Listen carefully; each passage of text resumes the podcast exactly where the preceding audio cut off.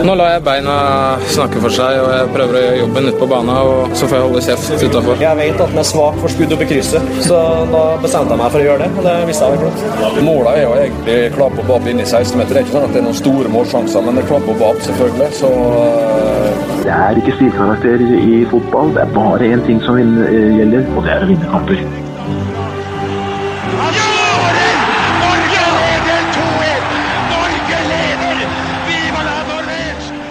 Og der er uh, toppfotball tilbake igjen, nå på uh, faste plasser. Uh, jeg må si det var, det, det var litt ålreit. altså, vi har spilt inn 92 episoder. Dette er den første episoden som jeg ikke vet Som jeg ikke har vært med på. og å få oppleve det som måte for, Som lytter for første gang, det var, var en stor opplevelse. Lasse Wangstein, vikar i, i forrige uke, nå tilbake. Uh, der du er sikret enda mer taletid. Tilbake der jeg hører hjemme, litt ute på benken. Ja, men du, du, var jo sterk som programleder. Takk. Det må, det må jeg virkelig si, altså. Faren min uh, syns det var helt likt. Ja, ja, selvfølgelig. Det ja. syns ikke fatter'n òg. Jeg har ikke prata med henne egentlig. Men uh, det, vi får jo høre det av og til, ja. ja. At vi er litt like i stemmen. Litt like i stemmen. Mm. Men du blir jo litt uh, du, du, får ikke mulighet til å liksom, skyte så mye fra hofta. Du er nødt til å holde litt i tøllene. Kjente du litt på det? Nei, det var egentlig veldig greit. Press? Uh, ja, jeg var faktisk ganske nervøs i forkant. Er det sant? Ja, det er sant. Oh, ja. Eh, Jørgen Kjernås eh, nikker anerkjennende. Ja. Nei, jeg, ja, jeg, var, jeg, var, det, men jeg syns vi klarte oss greit, jeg, da, om jeg skal si det sjøl. Meget bra. Ja. Sterk, sterkt levert. Men jeg hadde jo aldri klart det uten disse to fantastiske herremennene som sitter i nærheten av meg nå. Oh, det var veldig hyggelig, da. Både å få ros og å bli kalt herremann. Det var jo kjempehyggelig. Jørgen Kjernås, Unge velkommen. velkommen. Takk for det. takk for det Vi har jo Vi, vi sto over forrige uke pga. litt ymse. Nå er vi tilbake alle fire. Ja, det er hyggelig å være samla. Ja. Sist så var vel folk Du er jo en globetrotter uh, av, av, rang. av rang. Det, her er det jo turer til både ja, Hist og pist. Hist og pist og land man knapt har hørt om eller besøkt. Spania og Irland. Ja, altså. disse internasjonalt ukjente landene. Ja, Joakim Bårdsen, Akersgatas herremann. Det er dine ord. Det Har du kommet deg etter, eh, etter eh, release parties? Og, altså, det er vel bare gullplater som eh, strøs rundt oppå det bygget der nå? Ja, det er ikke jeg har hatt noe som helst med å gjøre, men uh, Mats Hansen har jo snart hatt en bedre artistkarriere enn fotballkarriere allerede, så det, det er sterkt levert. Han har jo aldri vært på topp som fotballspiller, det kan vi jo si. Altså, jeg leste i dag at han er norgeshistoriens raskeste til å selge til platina eller gull, eller hva er dette for noe? Det ja, på streaming, ja. Uh, ja. Til å få gull via streaming. Ja, jeg eh, kjenner ikke til detaljene, men uh, det høres uh, bra ut. Nei, for streaming er noe som foregår over Spotify. Det skjønner jeg. Det er på Spotify. Sånn, ja, det skjønner jeg. Sterkt, i hvert fall. Jeg tror ikke det var CD-er. Det tror jeg ikke. Nei. Jeg regner med du ruller ut den røde løperen for han hver dag før han skal på kontoret. Uh, det var uh, store ting som skjer der. Det var uh, som sagt veldig gøy å, å, å, høre på forrige episode. Deilig å være tilbake. Um, Men nå bare bryter jeg inn. Holder ja. i tøyler. Dette er ikke en musikkpod, vi skal snakke fotball. Vi skal snakke fotball, det skal vi absolutt. uh, vi har jo Vi må ta med også uh, Twitter-kontoen vår er fortsatt uh, nede for telling. Uh, det vil si den ble rammet av aldersgrense på Twitter. ja, for da du opprettet den, så valgte du å legge inn at den ble født 18. mai 2016, gjorde du ikke det? Ja, første episode der, altså. Ja, ikke sant. Ja. Ja. Og det er visst ikke lov å være tre, to, to, år å være på Twitter. Under 13. så bare for å forklare det, jeg fikk en melding fra Twitter hvor det står uh, vennligst last opp uh, ditt, uh, din altså pass eller førerkort og fødselsattest til barnet ditt som er under 13 år, ja. for at barnet ditt skal få lov å fortsatt være på Twitter. Men det her er jeg helt sikker på at moderne media fikser en liten fødselsattest der, altså. På, eh, for podkasten. Det jeg gjorde, da, var å laste opp et bilde hvor det sto 'This is not a child, it's a podcast'. Ja, Hvem lagde det bildet? Jeg laget det, det var jo et bilde med en tekst. Oh, ja, sånn. ja, ja, uh, og da fikk jeg bare tilbake uh, uh, Invalid documents. Åpenbart! Faen, er det ingen som jobber i Twitter Norge? Altså Hvis det er noen der ute som er Twitter-eksperter, send oss en mail. Dette er mobbing. Vi trenger hjelp. Vi trenger hjelp. mobbing av Eller Martin podcast. trenger hjelp. Fiks det. I dagens sending skal vi først selvfølgelig innom rundens øyeblikk. Vi har uh, fått uh, spørsmål på e-post, og vi skal i Pulsen uh, snakke om trenerbytter. hit og dit. Er Eliteseriens største nyhet i 2018, egentlig, som nettopp har eksplodert. Ja. I at Tor Ole Skullerud har trukket seg som godstrener. Det er ganske oppsiktsvekkende, syns jeg. Absolutt. Det skal vi komme nærmere tilbake til. vi må også innom selvfølgelig Sandefjord og, og Start i tillegg. Uh, vi skal snakke om landskampene. Vi kommer direkte fra Ullevål, uh, Vangstein. Uh, rykende fersk, fersk, seier der mot, mot Panama. Og en rykende fersk stjernebom fra vår venn Ola Kamara. Tore André Kamara, nevnt på Twitter.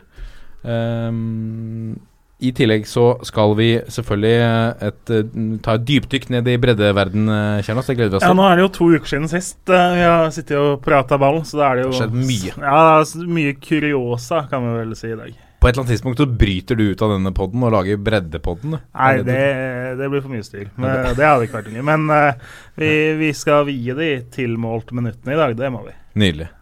Og så runder vi av sendingen med en preview på neste eliteserierunde. Dette er toppfotball. Og da tar vi rundens uh, øyeblikk, og vi begynner med deg, Lasse Mangstein.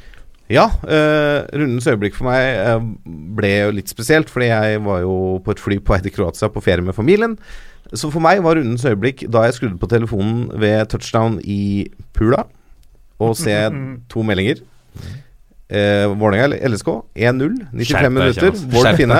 Og så Det heter Pula. Det het Pula i hundrevis av år, den byen. Ja, ja, ja, men det kunne vi jo tenkt på, da. Det, det, det kunne det er, liksom, at det er gøy beklager, i Norge. Liksom, det er jo samme som når Honda kalte en av modellene sine for Honda kvinnelig kjønnsobjekt. De kunne jo tenkt på det på først. På F og slutte på IT. Det er korrekt. Ja, Riktig. De droppa det, da. De Men uh, i hvert fall det, for meg var jo det øyeblikket når jeg fikk de to meldingene, og rett over gangen i flyet så hadde jeg da kommet til prat med en annen småbarnsfar som var LSK-supporter. Oh, nydelig. Kjempestemning. Uh, men så har jeg da sett selvfølgelig de siste fem minuttene av denne kampen på Eurosport. Og det er jo uh, Gale-Mathias. Uh, først da Matthew elsker Vålerenga, hurra, hurra som velger å gå for skudd istedenfor å spille enten til Melgalvis eller um, Eze? Ja, eh, ja Charles. Charles, ja. Eh, men, eh, og da kunne vunnet kamp for LSK, og så går Vålerenga da opp og skårer eh, med tre sekunder igjen. Det er selvfølgelig rundens øyeblikk for meg. Ja, kan, det kan jeg forstå. Uh, Jørgen Kjernås, skal vi til bredde? Nei, da skal vi så langt unna bredden vi kommer, vel egentlig. For vi skal til toppoppgjøret på Lerkendal. Uh, Niklas Bentner lurer seg inn bak forsvaret, setter ballen kontrollert i mål, og Lerkendal jubler for scoring. Men det er vinket for uh, offside, således feilaktig. Eh, egentlig vil jeg ha det til at dette må jo være århundrets øyeblikk. Eh, at Rosenborg har blitt fra røva en korrekt scoring på Lerkendal. og den avgjorde jo på sett og vis denne toppkampen. også i tillegg så drar jo Bentner på seg denne skaden som gjør at han da misser VM. Så det er jo et øyeblikk med mange momenter eh, pakka inn i samme øyeblikk. Kan ja. være et øyeblikk for historiebøkene, det, faktisk. Eh, det bør huskes, på en måte. Altså, det kan, ja, jo, serien, kan jo potensielt bli avgjørende for uh, hvor gullet havner, uh, den der. At blir det mindre enn uh, tre poeng mellom Brann og Rosenborg med Brann-gull, så vil man jo tenke i Trondheim at hva hvis Bentner hadde fått den godkjent? Ja. Den, eh, det var eh, triste saker, eh, i hvert fall. Han fikk jo ikke målet engang. Feilaktig annullert. Krise. Joakim Mortsen, hva har du? Um, det er en kar i uh, Kristiansund som har herja en del den sesongen. Um, han var god i fjor òg, og, og, viste at han var en, en bra spiller. Men uh, i år har uh, Dauda Bamba vært en liten åpenbaring. Han har skåret syv mål på tolv matcher. Og det hittil siste kom uh, bort mot Odd. Han får uh, ballen på det som vel er egen banehalvdel, og drar seg gjennom uh, et halvt Odd-lag, og på veien så bare dytter han unna Grøger og setter ballen kontrollert i, i mål etterpå. Og det var vel fort rundens skåring, og det som jeg syns er litt deilig med Bamba, da, at han har det i kjeften i tillegg. Eh, han har ekstremt stor tro på seg sjøl og er ikke redd for å si at han er eh, ligaens eh, beste spiss. Og eh, han sa jo at eh, eh, denne skåringen her, det er bare talent. Ja, det stemmer. Det er bare talentet. Men det er jo nydelig, da. Han mener jo bare at eh, dette her gjorde han på eh, instinkt, eh, og at eh, det var gjerne ikke Jeg regner i hvert fall med at han, han tenker sånn at det var ikke noe som, eh, som du kan eh, øve så mye på, eller som var veldig kalkulert. Han bare tok ballen og, og løp og, og dribla seg gjennom og, og satt ballen i mål. og Eh, syv mål på, tolv matcher, det er en meget eh, pen statistikk som gjør han eh, fort interessant for eh, enda større klubber, eh, gjerne i utlandet. Og kanskje aktuell for en toppskårertittel på et eller annet tidspunkt. Ja, Han er jo definitivt aktuell hvis han eh, blir værende i Norge nå. Han er to mål bak Markus Pedersen, så han er jo for fullt med i den uh, toppskårerduellen. Ja, Det jeg liker med spalten Rundens øyeblikk, er at den er veldig eh, fleksibel. Eh, så det kan være så mangt. Eh, og derfor så vil jeg trekke fram eh, vår venn Bjørn Mars Johnsen sin scoring eh, borte mot Island. Eh, altså, eh, endelig satt den for Bjørn. Eh, for Norge. Altså han, Den mannen der har gått eh, en så lang eh, hva skal vi si, landslagsskole, for å bruke et uttrykk. Eh, uten å ha vært innom aldersbestemte nivåer eh, i, i stor grad, vel. Altså Han har spilt i Tønsberg. Han har gått eh, liksom kjøkkenveien opp i europeisk toppfotball til nå å ta andreplassen i nederl- nederlandsk æresdivisjon, toppskårerlista der. Til å komme Nest, ble lansert nesten som en halvveis joke første gangen, føler jeg, for landslaget. Fordi han var en eller annen ukjent fyr som ikke snakka norsk, som var norsk, som putta, ned, putta inn skåringer nede i Portugal. Det var ingen som tok det helt seriøst før vi han eh, Ja, Bulgaria har han vært i. Ja. Bulgaria har han vært i, ikke sant? Eh, før han har fått sjansen uh, og har uh, fått slippe til, har fått ordentlig mulighet og litt tillit nå under Lars Lagerbäck. Og har virkelig markert seg for meg de siste landskampene nå, fire kampene, som en fyr som det er, har vært farlig I noen av kampene har vært farlig hver gang Bjørn Mars Johnsen får ballen. Enten om han stusser den videre, eller hva han gjør med den. Eh, og nå når han fikk ballen fra Iver Fossum og dunka den i vinkelen bort mot Island Altså, det var eh, fantastisk. Jeg er, eh, jeg er glad i den mannen. Det var mitt store øyeblikk. Og så er han utradisjonell. Vi så jo det når han snakker med pressen. Han sier at nei, men klubben min har tenkt å selge meg i sommer, så det, jeg kommer, de har tenkt å cashe inn på suksessen min. Så jeg er på vei bort. Det er så, det er så deilig. Vi trenger altså, en og- profil. Ja, ja. Ja, helt, type, helt nydelig. Og det som gjør at det er mulig å mislike han, det er at han er jo så, han er så ærlig, og så er han så hardtarbeidende. Du er du får hver gang, og, og det er ikke noe tull, og du må bare bli glad i sånne spillere. Dette er toppfotball. Vi skal selvfølgelig snakke mye om eh, landslaget i eh, pulsen, men aller først til noe av det vakreste vi har i dette langstrakte landet, Jørgen Kjernås. Vi skal til. Vær. Jo, takk. Nå er det jo som sagt to uker siden vi har sittet her sist, så det, det er jo litt sånn at det bobler jo over med stort og smått. Eh, må jo ta den mest interessante situasjonen først. Romsås i fjerdedivisjon spiller borte mot Lyn 2, et sterkt Lyn-mannskap som har med en hel spissrekke som har spilt mye i tredjedivisjon. Uh, Stillinga er vel 8-0 til pause. Noen av spillerne på Romsås begynner å bli litt frustrerte over dette, har ikke helt lyst til å fullføre. Kommer fire mål kjapt eh, etter pause, og det ender med at Romsås går av banen. De fullfører ikke kampen. Uh, og det er jo eh, Ja, Altså, hva, hva skal man si? Jeg, jeg, jeg skjønner at det er kjipt å tape med mange mål. Jeg forstår at det kan være flaut, men jeg syns det er forferdelig uproft når du har meldt deg på i en serie. Å gå av fordi at du ligger under uh, 0-12, altså. Jeg beklager. Det er direkte veldig godt frustrasjonen når du møter et anlag som stiller Hvilken divisjon er dette? det er Ja, men fjerdedivisjon. det, de, de, det hjelper ikke. Du har meldt deg på i den Eller du har spilt deg til den divisjonen. Da får du stille opp, da. Så får du spille ferdig kampen, i hvert fall. Så får du trekke laget etterpå. Det også er dårlig gjort, men Også, ja, det er jo litt momenter her, for det har vært, altså, de har mista veldig mye spillere. Kvitta seg med spillere pga. dårlige holdninger og litt sånn. Uh, så det var jo et veldig tynt lag de kom med uh, til den matchen her. Eh, en del skader, og de hadde tolv mann med seg til kamp og litt sånn, men eh, kampen før så stilte de jo ikke lag. eh, og fikk da 0-3 i protokollen. Så egentlig så skal de jo kastes ut da, for du har i fjerdedivisjon så har du én kamp du ikke stiller, på andre forsøk, så skal du egentlig ut. Eh, nå har de spilt videre og tapte 1-11 i neste kamp. Da hadde de bare med juniorspillere, så det var på en måte eh, de, Ja, hva som skjer. Det er jo litt trist òg, på en måte. Og Dagbladet lagde jo sak på det her, og Lyn sier jo at de på en måte syns det er ille, men forstår jo at Romsås har sine problemer og vil ikke at de skal straffes for det og sånn. Men eh, om det er noe gøy for de her juniorgutta å fly rundt og tape 1-11 på Ullern og liksom, Da er det heller bedre å trekke laget, tenker jeg, da. Eh, enn å la en gjeng juniorer som ikke er modne for oppgaven, fly rundt og få bank uke inn og uke ut. Det er best beste av to onder, i hvert fall. Da, da får du heller trekke hvis du ikke har nok spillere som på en måte holder nivået, selv om det skal være siste utvei ut. da. Eh, og vi har jo snakka om Romsås 2 tidligere, de tapte jo 1-30 her. Eh, så det er klart, det er vel ikke så mange å hente opp fra det laget heller, nødvendigvis. da. Det, men det, det er jo en snål situasjon. altså Å gå av banen midt i en kamp, det har vel knapt skjedd tidligere. Eh, så en underlig situasjon. Men bare eh, siden vi ikke har Twitter-konto, så la jeg ut spørsmål på Twitter i dag om noen hadde noe til dagens sending.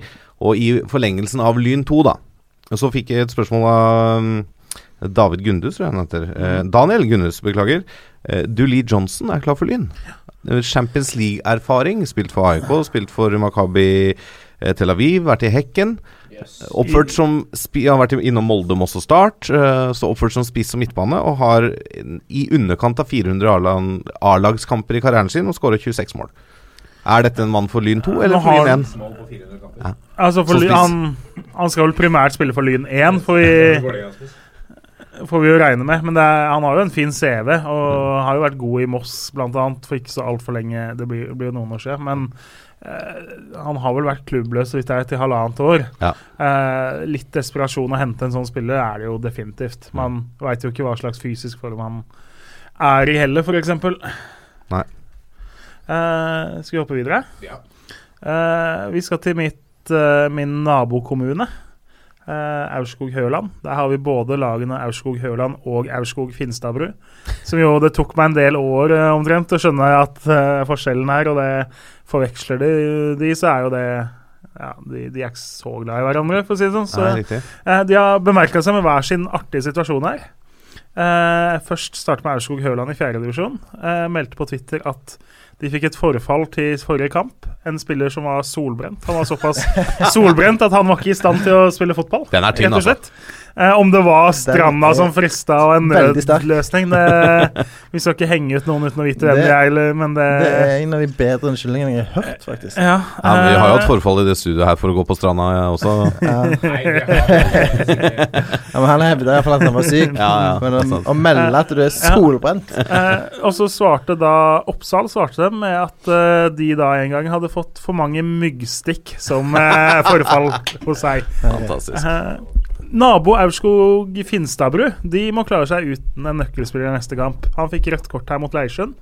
Eh, gult kort nummer to fikk han for å protestere på gult kort nummer én. Eh, og gult kort nummer én fikk han for å vippe opp ballen og heade den tilbake til keeper. What? Det er da tydeligvis ikke lov, ifølge reglementet. En dommer som da praktiserte dette litt hardt, eh, eventuelt. Og spillerne var tydeligvis ikke kjempeenig i at det var verdig et gult kort. Eh, Det det som jo også er litt interessant, er at han som fikk kortet, dømmer jo da selv til og med på nivå under. Så det var da en dommer som protesterte mot en dommerkollega som han potensielt kjenner òg. Liksom, men det, eh, det er litt synd vi ikke har noe video av det øyeblikket, for jeg skulle gjerne sett video av at han vipper opp ballen, header til keeper, får gult kort, og så protesterer på seg på gult seg nummer to. Eh, det, er, det er synd det kunsten eh, finnes i skriftlig form. Ja, Nydelig. Eh, vi hopper videre til lag på A. Eh, vi skal til Austevoll. Det er litt mer kuriøst. De vant 2-0 her mot eh, NHH. Målskårere, det var Steffen Skaar. Naturlig at han skårer. Målskårer nummer to var Steffen André Skaar. Nei! Det er to, for, to forskjellige karer. Det har, det har i hvert fall hvert sitt draktnummer og hver sin si, profil på fotball.no, så vi må jo anta det. Uh, jeg tenker at uh, Jeg regner med det er i familie. Jeg håper ikke det er brødre. Uh, Nei, det er altså Har du sønnen Steffen, så kaller du ikke sønn nummer to for Steffen André. Nei, da får du gjøre som på Finnmark, hvor det er Ole Roy og Roy Ole. Ja, det, vi- må håpe at de er maks fettere, da. Men Austevoll er ikke verdens største sted, så Men eh, artig. De skårte jo da kampens to eneste mål i tillegg. Eh, og så har vi jo Vi er jo litt glad i folk som skårer veldig mye mål. Eh, vi skal til sjette divisjon på Sørlandet. Eh, Ja, altså her har vi en spiller som har erfaring fra annendivisjon uh, med Arendal. Har vært toppskårer for samme Arendal i tredjedivisjon. Uh, spilte tredjedivisjon for Ekspress i fjor. Uh, nå har han trappa ned og spiller for Grane, som jo er vel er en av moderklubbene til Arendal fotball. Uh, han heter uh, så mye som og Det er disse fornavna, vet du. Marius Brun Henriksen. Uh, laget hans har skåra 50 mål på seks kamper. Han har stått for 27 av dem. Oi, oi, oi. så på seks kamper så står han med 27 mål. inkludert syv mål i den siste kampen hvor de vant 10-0. Det er jo i hvert fall en mann vi må nevne når vi skal tilbake til disse målskårerspaltene våre. For det er Klart, da 27 delt på 6, da har du 4,5 mål i snitt per kamp så langt. Eh. I forhold til antall mål for laget ditt, så er det nesten Markus Pedersen-nivå. Han har jo 9 av 16 godsemål i år. Ja, nei, det, det, er, det, er, meget imponerende, eh, rett og slett. Eh, I tillegg så skal vi et sted som heter Skjetten, ikke så langt unna Lillestrøm. Eh, telefonkatalogklubbene. Tjeneste er jo rike og skulle satse som Romerike fotball i sin tid for 20 år siden. Eh, der har eh, Kenneth Andreassen, som vel er Om han er oppmann eller assistent, han er med rundt laget, da. Har spilt for klubben tidligere. Uh, ble bedt om å lage kake da han hadde bursdag. Det, det må markeres med kake i garderoben. Fikk da trykt opp eh, tabellen hvor da Skjetten ligger på nedrykksplass i god, godt gammeldags tekst-TV-format. Eh, sånn at gutta Tydeligvis litt misfornøyd med guttas innsats på banen. Eh, det ser jo ut som altså, Han har ikke vært hos noen amatørbaker eh, her. Det er, det er Nedrykkskake. Det er selveste bakermester Den må vi legge ut på Facebook. Faktisk, for den, er, den kaka er helt nydelig. Eh, imponerende og et godt stikk da, til laget, som eh, da hadde underprestert. Nå vant de over LSK2 og klatra vel over streken. Steinar Bjerkman hadde elsket den uh, kaka der. Ja, det er en tekst-TV Er ikke det han Steinar? Jo, han er glad i tekst-TV. NTB-fyr som er veldig glad i tekst-TV. Yes. Og tider. Uh, far også en forkjemper for tekst. Mm.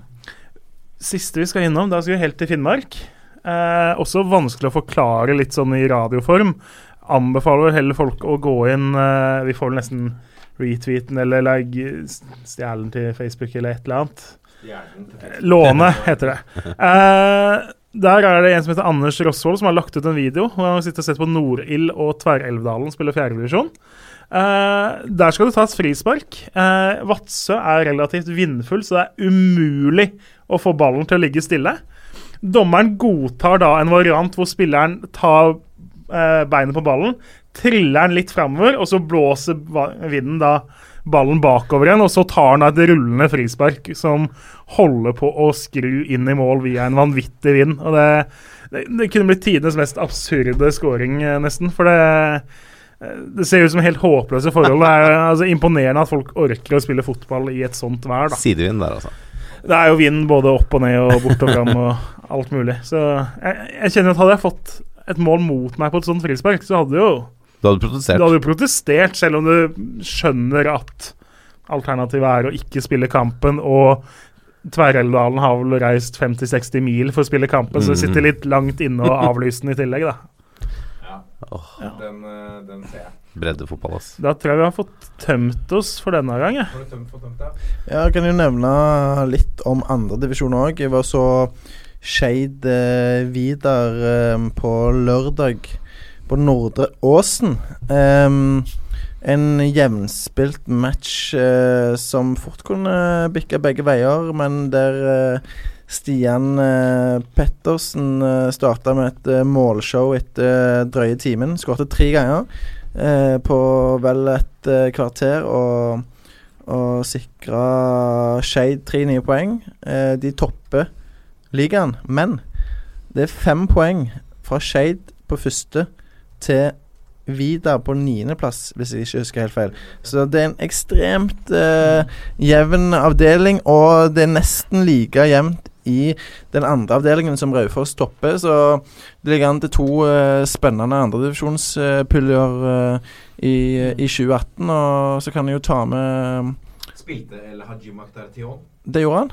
Og han var, var bedre enn da jeg så mot KFM. Eh, tidligere i sesongen, så han, han klarte seg greit. Men eh, Vidar sleit med å produsere sjanser. Eh, men de hadde én etter sånn 10-15 sekunder, og ett minutt senere så brølte Tom Nordli og hele eh, banen eh, og skjelte ut eh, det som var av spillere. Da var han tydelig misfornøyd, men eh, det gjentok seg et par ganger utover i omgangen, men eh, det, det funka jo da, på et vis. De vant 3-0 og, og eh, ligger akkurat nå an til å rykke opp til Obos-ligaen. Spennende. Obos-liga på Nordgråsen. Da tror jeg de må gjøre litt med Da må det litt mye. Ja, men det, er jo, det er jo greie tribuner der, da.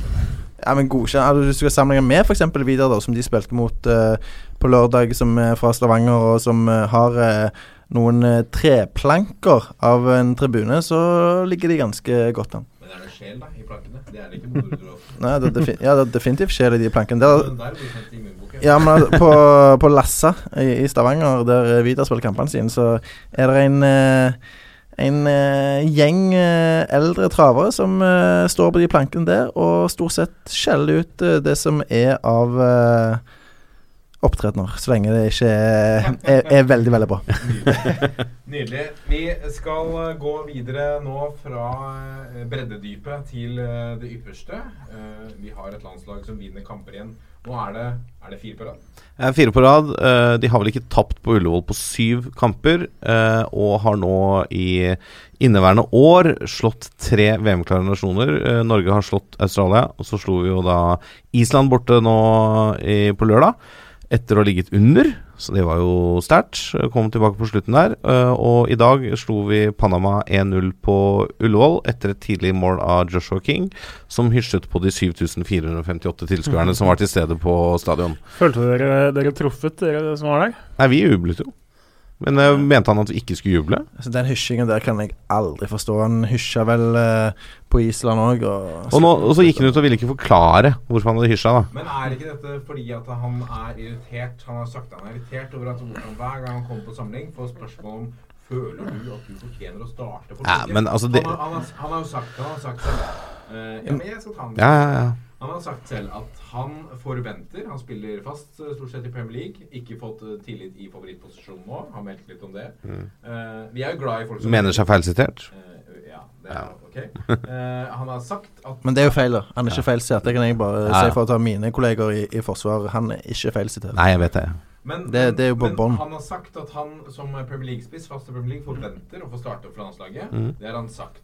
Og så får han fortsatt Så er han lei av å få spørsmål på hver samling om Ja, øh, føler du at du fortjener nå en plass på, for å starte for Norge? Jeg, jeg kan forstå at Ja, men når Lars Lagerbäck benker han mot Island, så det er et uh, helt uh, naturlig spørsmål å stille. Da må du for pokker kunne svare på det.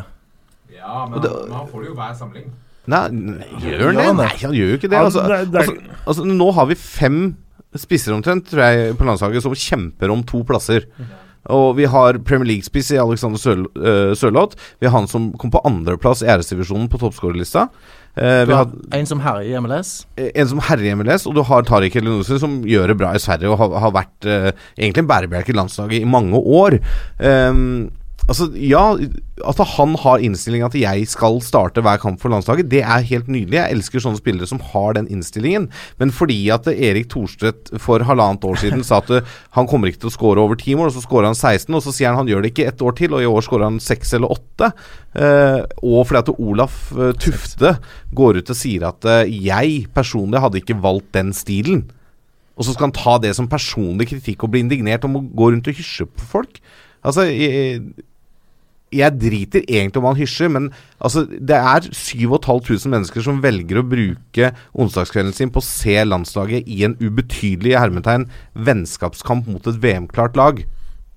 Ta så uh, Vis litt uh, positive men følelser, da. For å snu deg litt tilbake, da. Tror du de ble veldig og fornærma over at han hysja på de?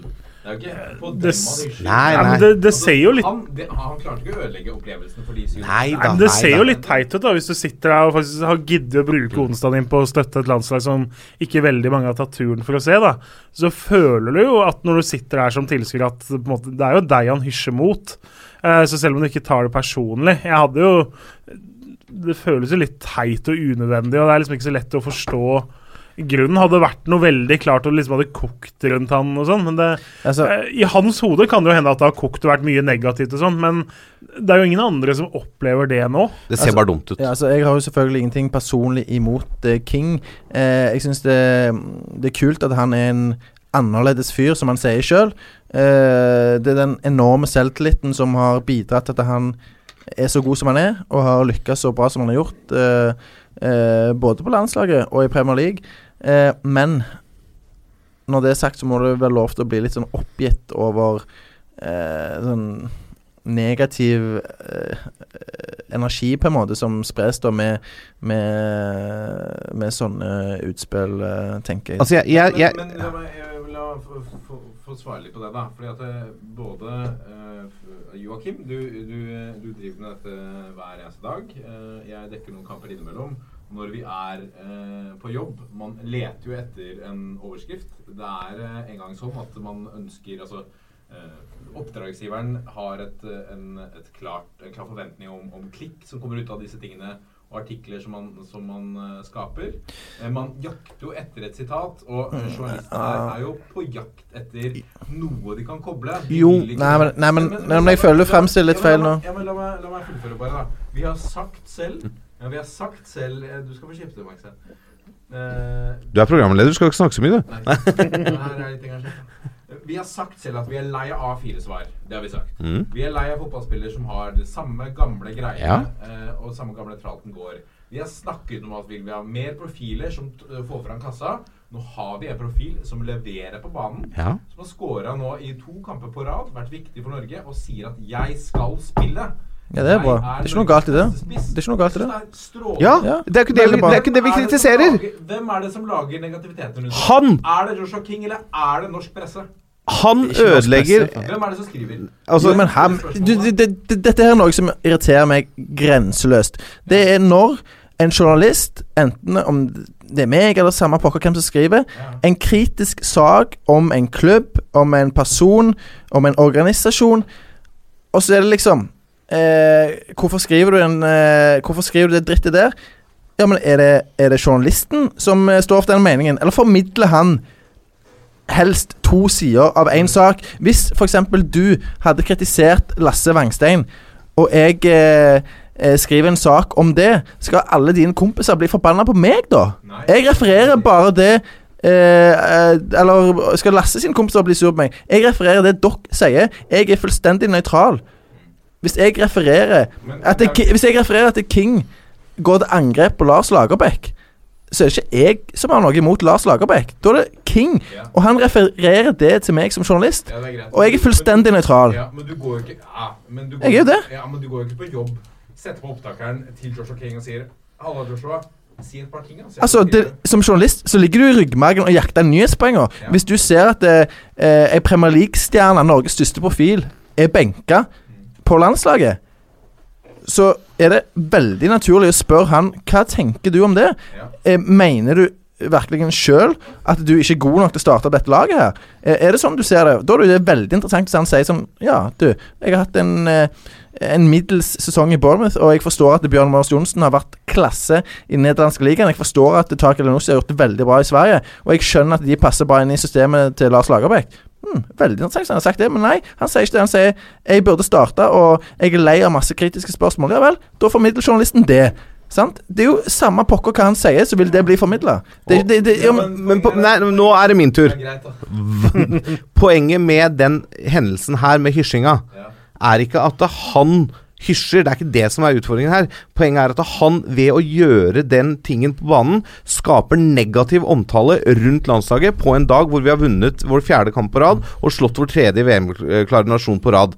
Han gjør det, og, og da blir det heller det som blir fokuset i pressen, enn at du kan hylle laget for de prestasjonene de har gjort i de siste kampene. Da, set, da mener jeg at han i kraft av det setter seg litt selv foran laget. Ja, for Det som på en måte er viktig for meg å få fram her, det er at det, jeg er så lei av Og nå gjelder ikke deg, Martin, som, som nevnte det med klikk og sånn. For du skjønner på en måte hva, hva det å være journalist uh, handler om. Men det er et veldig lett argument for andre som ikke skjønner helt hva det går i. Og ty til fordi at de har hørt om det. Å ja, uh, media er ute etter klikk og sånn. Men media er ikke ute etter klikk. jeg, Klart selvfølgelig det er kjekt om en sak blir lest mye, men i bunn og grunn, som journalist, er du ute etter å få fram en nyhet. Du vil skrive om det eh, som, eh, som på en måte andre ikke vil du skal skrive om. Det er jo det det ligger Det er det det handler om å være journalist. Du vil eh, få fram nyheter til folk.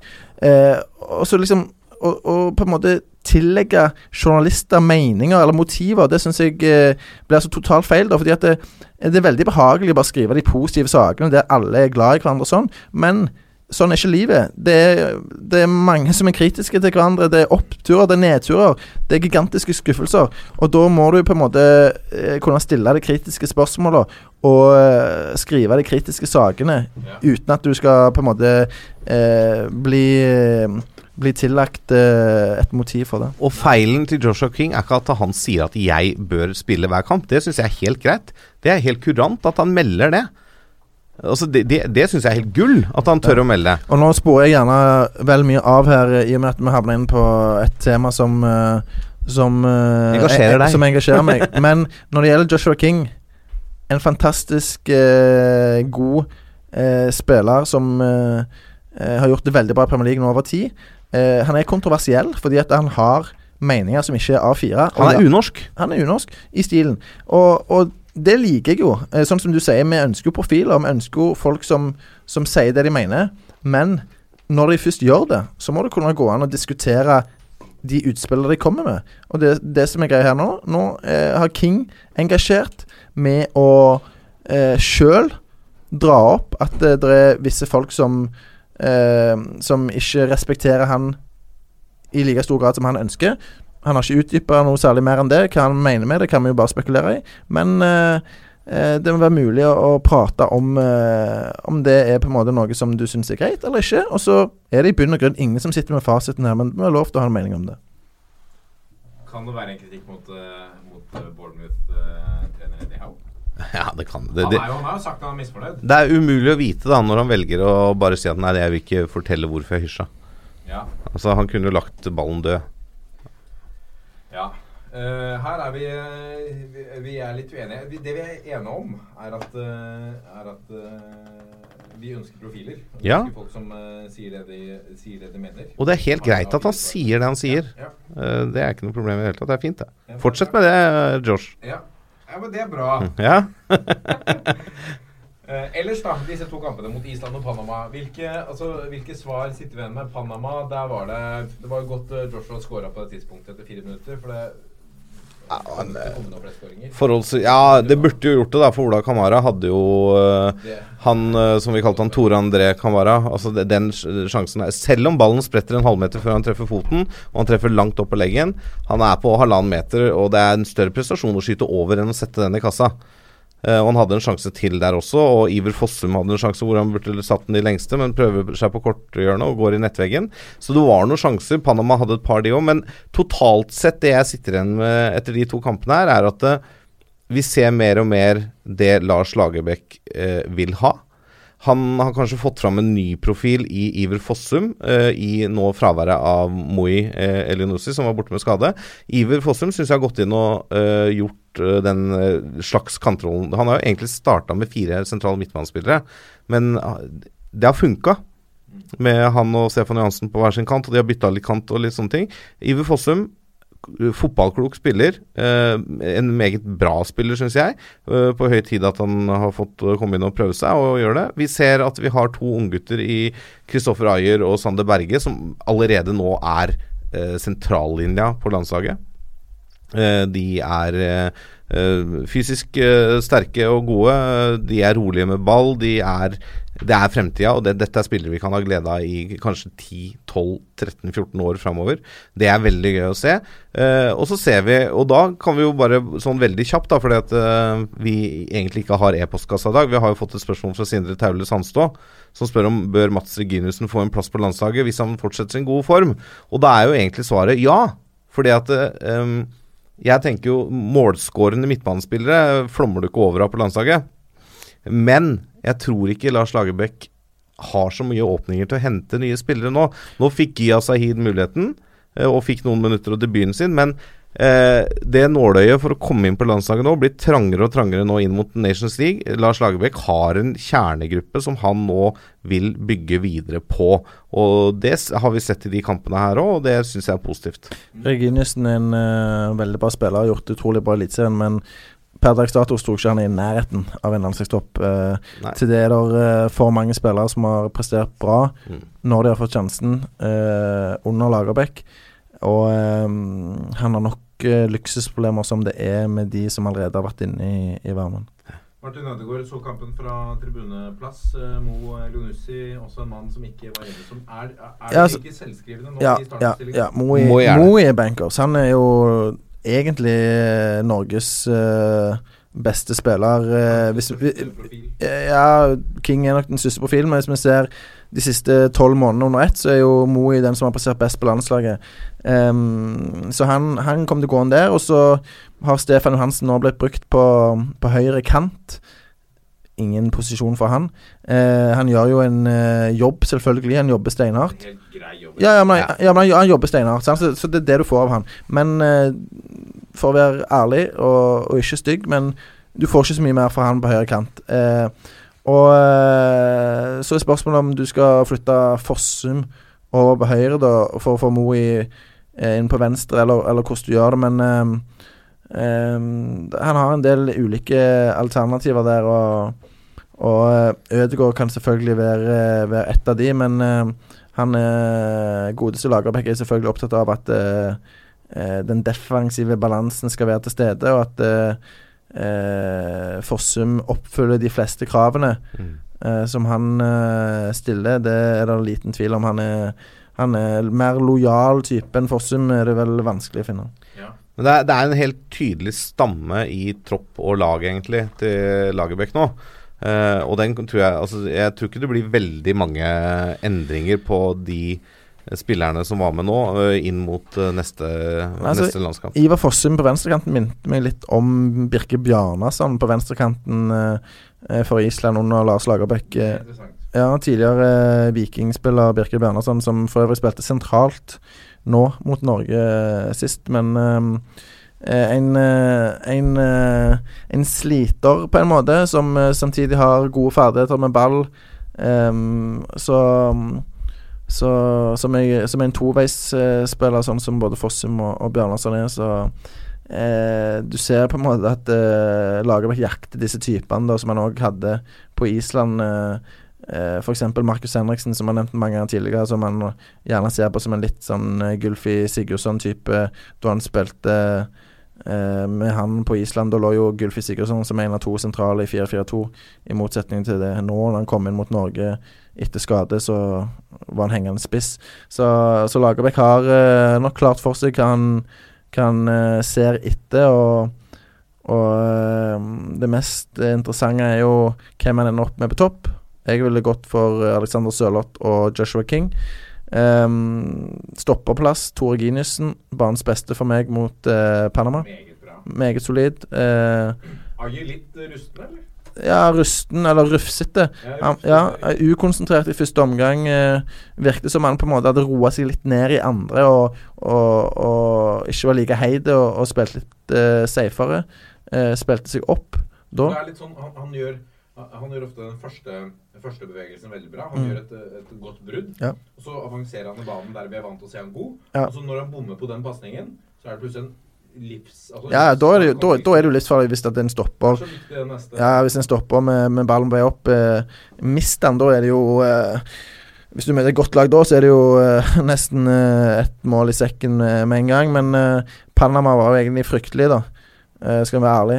Det ser ut som de kan få det blytungt i, i VM. Eh, hadde mye ball, men eh, det var vel gjerne fordi Norge la seg lavt. Ikke fordi at de ble spilt lave. Jeg tenkte tenkte en periode der i kampen at det har vært interessant å se Norge være like aggressive som man har sett de tidligere.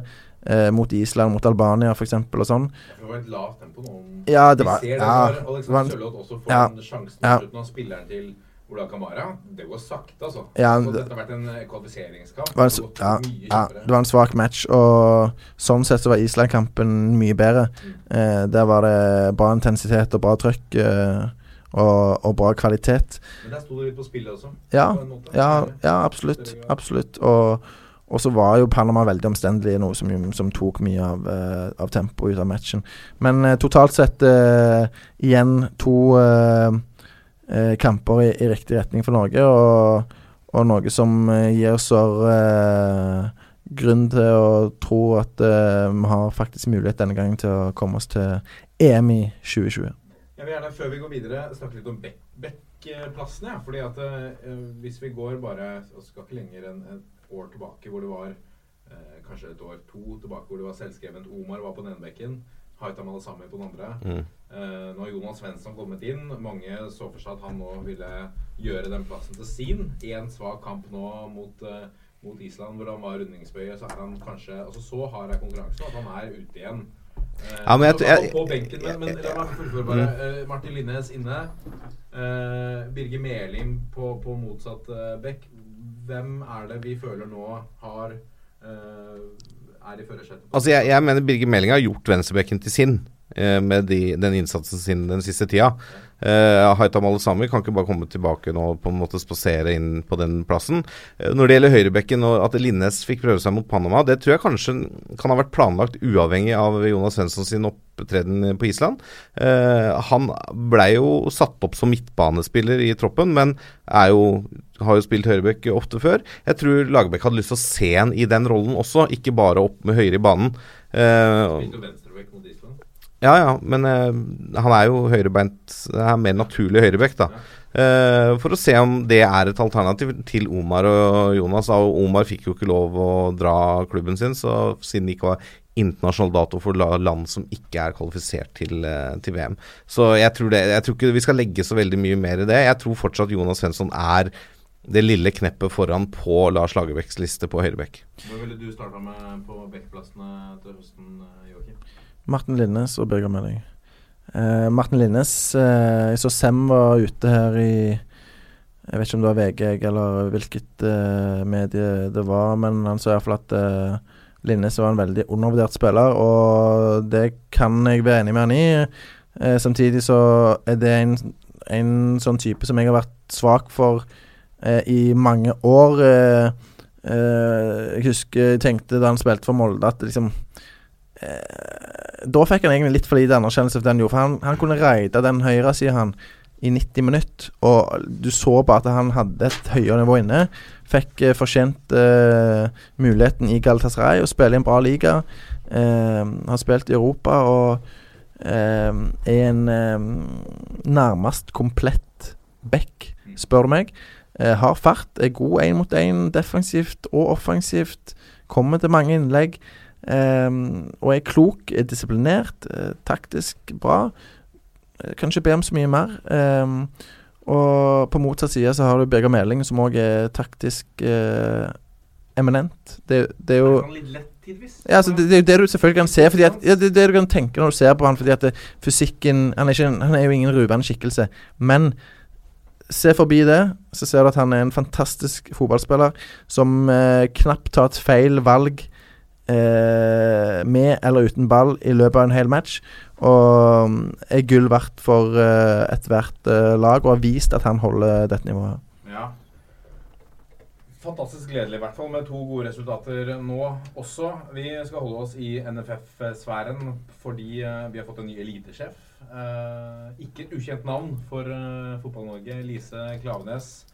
Eh, den 37 år gamle tidligere landslagsspilleren. 51 kamper, seks uh, skåringer. Spilt for fem toppserieklubber.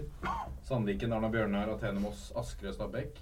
Utdanna jurist. Utdanna jurist. Altså, eh, Vært fotballekspert på NRK. i en uh, årrekke.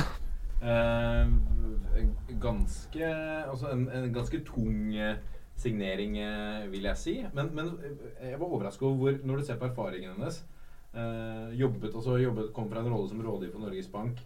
Eh, hun er bare 37. Mm. Hun, eh, hun slår meg som altså hun, er, eh, hun har gjort så mye allerede.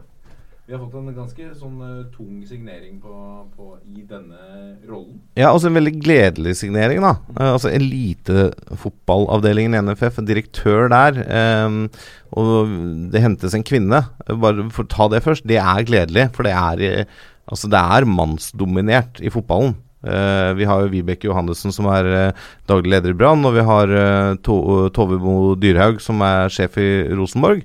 Men bortsett fra det så er det jo de fleste topplederstillingene i norsk fotball holdes jo av mannfolk. Så det er gledelig å se at NFF ser litt utafor den boksen. Og så blir det spennende å se hva hun kan bidra med, selvfølgelig. Men jeg tror hun har både erfaringen og kompetansen til å gjøre en god jobb her.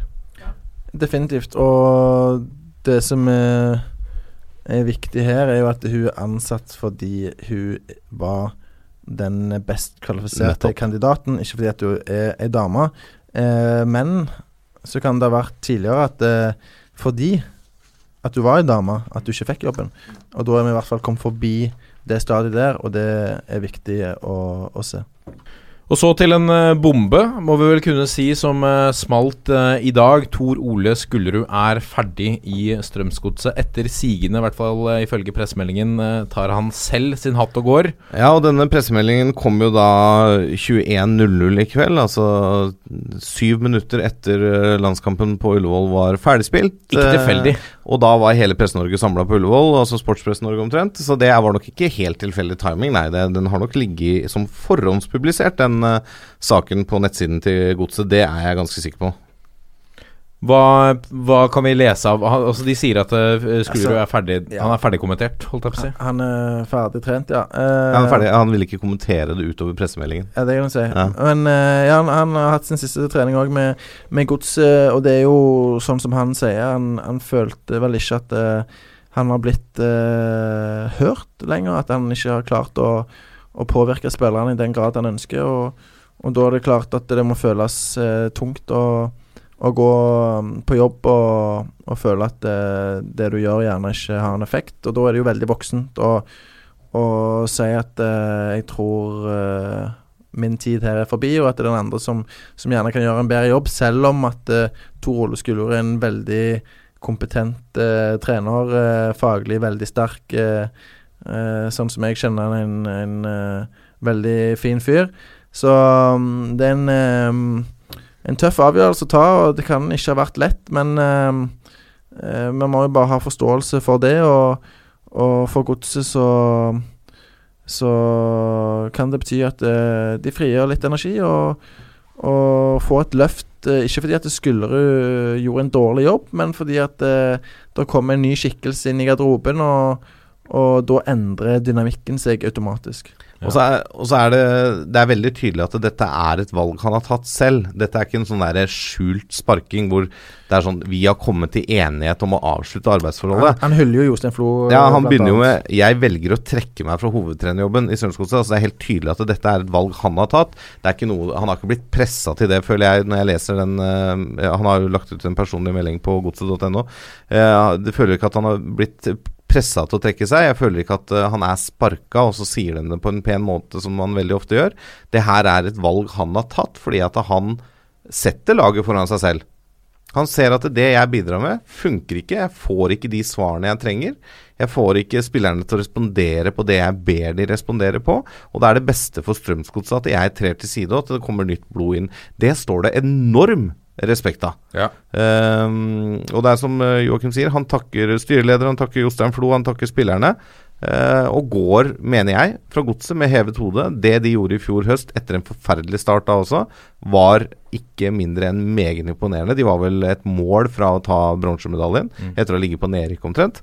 Uh, kunne jo selvfølgelig ha skjedd igjen i år òg, men det er klart den slitasjen når du føler at du ikke får respons fra spillerne, den er tung å bære. Og det er vel noe med at han har, han har vært gjennom en tøff vår før, og da, eh, altså, da sto last og brast, og Jostein Flo var tålmodig med han. Mm, mm. Sa at dette skal vi, dette skal vi klare. Ja, Jostein Flo er de- kjent for å være tålmodig. Ja, og de, og de kom seg gjennom det. Så er vel det når du har hatt den erfaringen, og du vet at det kan snu, og når du føler at her kommer det ikke til å snu, Mm. så er det Men det er jo det at når det går dårlig eh, i fotball, enten du trener eller spiller, så er det så jævlig tungt. Mm. Da, da er det egentlig det verste du kan holde på med, er fotball. Det er grusomt å gå i garderoben, og det er trykka stemning, og du går rundt og grubler på hvorfor eh, Presterer du ikke godt nok? Eh, gjør jeg noe feil sjøl? Hvorfor gjør ikke lagkameraten min, eller som, som i Skuldres tilfelle, hvorfor gjør ikke spillerne sånn som jeg eh, ønsker de skal gjøre? Og, og det bygger seg bare opp, da. Og da er det klart at det, eh, det blir tungt eh, etter hvert. Eh, og, og nå er det jo tydeligvis eh, kommet til et punkt der eh, der totalen uh, tilsier for Skulderud at eh, han, han burde trekke seg. Ja. Det nå står det også at nå skal de se på interne løsninger fram til kamp mot start. Så blir det spennende å se hvordan de bruker Altså det er en runde til før det blir et lite opphold. Ehm, det blir spennende å se hvordan de bruker den tida til å finne en erstatter, om det blir eh, Bjørn Petter Ingebrigtsen, eller om det blir en Jeg, jeg regner i hvert fall med at det er han som tar det midlertidig. Ja. Men eh, så kommer det litt an på hans fysiske form og sånn, og, og om de vil gå for noe helt nytt og få um, nye impulser utenfra. Um, ja, det blir spennende. Så. Ja, det blir veldig spennende. Håper de går for noe helt nytt. Ring Håvard. Håvard Lilleheie er ledig på markedet. Det har vært interessant. Det tror jeg hadde vært meget interessant. Det, det vært jeg meget- tror det hadde kommet en del folk på Marienlyst for, for å se. Absolutt. Absolutt. Eh, ny mann inn i eh, Start også. Ingen uh, altså Jeg må si jeg var litt overraska da, da den nyheten ble sluppet. Kjetil Rekdal klar for comeback i norsk eliteserie. Ja, ble det det? Ja, ja, ja, den så jeg faktisk ikke. Nei jeg, tenkte, ikke i Start. nei, jeg tenkte da Dempsey gikk av, så tenkte jeg nå er det duka for Reka comeback, tenkte jeg. Ja. For dette her er en klubb som satser hardt. Eh, de har midler til å satse nå. De har henta mange spillere. Det er et uforløst potensial i den eh, startgarderoben. Um, og det er jo litt som uh, Tor Christian Karlsen sier på pressekonferansen. vi har kanskje valgt å bygge forfra. Nå må Reka er flink til å bygge bakfra. Først få på plass det defensive fundamentet før Men det trenger jo start. De har jo sluppet inn noen mål i, i løpet av sesongen. Um, og vært litt uh, hanglete, for å si det sånn. Um, og det er det å få inn den sterke stemmen med den erfaringen han har fra, fra flere trenerjobber. Han er jo en av de mestvinnende trenerne i norsk historie. Har jo vel tre cupgull og et seriegull, om jeg ikke husker sånn helt feil. Eh, så blir det spennende å se hvordan startspillerne responderer på det. da Disse unge spillerne. da Han er meget tydelig på feltet. Han er eh, rett fram, eh, strake pucker. Eh, det er ikke noe sånn derre bamseklubb, da, for å si det sånn, det her. Eh, men han kan også være liksom kompis eh, på sida og spøke og le litt med sin litt sære, spesielle humor. Spille litt kort. Spille litt kort, ikke minst. Eh, Det er, altså det er Jeg tror da for et lag som Start så er det noen små ting som skal altså det er så, Og det er det jo i fotballen hele tida. Det er disse små detaljene, disse små marginene. Kanskje en liten ting som bikker det. Ikke det at det liksom er det at du spiller kort betyr noe, men det er sånne småting som kan spille inn for at du får um, uh, utløp for det potensialet man har. Så jeg tror det er en kjempespennende signering. Nå tror jeg ikke Rekdal er den som er best kompis med er alle, nei. Med alle, nei. Men uh, han er jo rimelig nådeløs. Mm. Har i hvert fall eh, eh, den egen, egenskapen i seg. Og vil stille store, store krav til, til omgivelsene i Kristiansand og forlange mye. Um, så de, det må de innrette seg etter. Eh, og, og det er noe som eh, Som jeg tror vil eh, slå positivt ut, eh, i hvert fall nå i starten. At eh, han, eh, han får eh, gutta opp på et nivå eh, eh, både spenningsmessig og konsentrasjonsmessig som gjør at eh, eh, Start kan, kan begynne å plukke langt flere poeng enn de syv de har til nå. Fordi at det, det er tre poeng opp til Stabæk på kvalikplass, eh, fire poeng opp til Lillestrøm på trygg grunn. Det er ikke, det er ikke veldig mye, det. Eh, de har alle sjanser til å, til å holde plassen, og, og det vil både Rekdal og, og resten av klubben være fornøyd med. Og så kan de eh, ha i bakhodet at de eh, skal, skal tenke litt eh, lengre samtidig. Og nå skal vi jo innom dette når vi kommer til previewen etterpå, hvor Jørgen gjør eh, comeback i dette studio. Han er jo ute en liten tur, men eh, Start og Godset møtes jo her i neste runde. Og normalt sett så kommer jo den effekten av trenerskiftet i kamp to. Etter, eh, etter trenerskiftet, eller etter ny trener kommer inn, eller at du kvitter deg med en trener. Eh, hvem vinner da Start Godset? Ja, det blir For det er kamp én for begge Ikke sant? i denne viktige bunnkampen. Det blir spennende å se. En rolig U der. på En rolig eh, 0-0. Dette er toppfotball. Og da skal vi se nærmere på neste eliteserierunde. Og det knytter seg spenning til Det har vært flere trenerbytter, eh, men i eh, Kristiansund så er det to trenere som eh, fortsatt har samme jobb. Det er to kompiser som eh, møtes. Er to eh, Altså, dette er et derby eh, der oppe. Kristiansund mot Molde. Eh, spennende å se hvordan lagene nå står seg etter landslagspausen. Jeg syns det er vanskelig å spå noe. Man kan kikke på resultatene som har vært uh, i, i, forkant her. Kristiansund med to sterke prestasjoner. 1-2 borte mot Odd. Eh, seier hjemme mot Godset. Eh, kanskje, sånn som Godset er nå, ikke så overraskende, men uansett 4-0 hjemme mot Strømsgodset må sies å være meget eh, sterkt. Uh, Molde er kanskje litt i, i annen enden av skalaen for min del, sånn formmessig. Uh, med mindre det har skjedd så altså, Med mindre Solskjær har brukt tida godt her i, i pausen.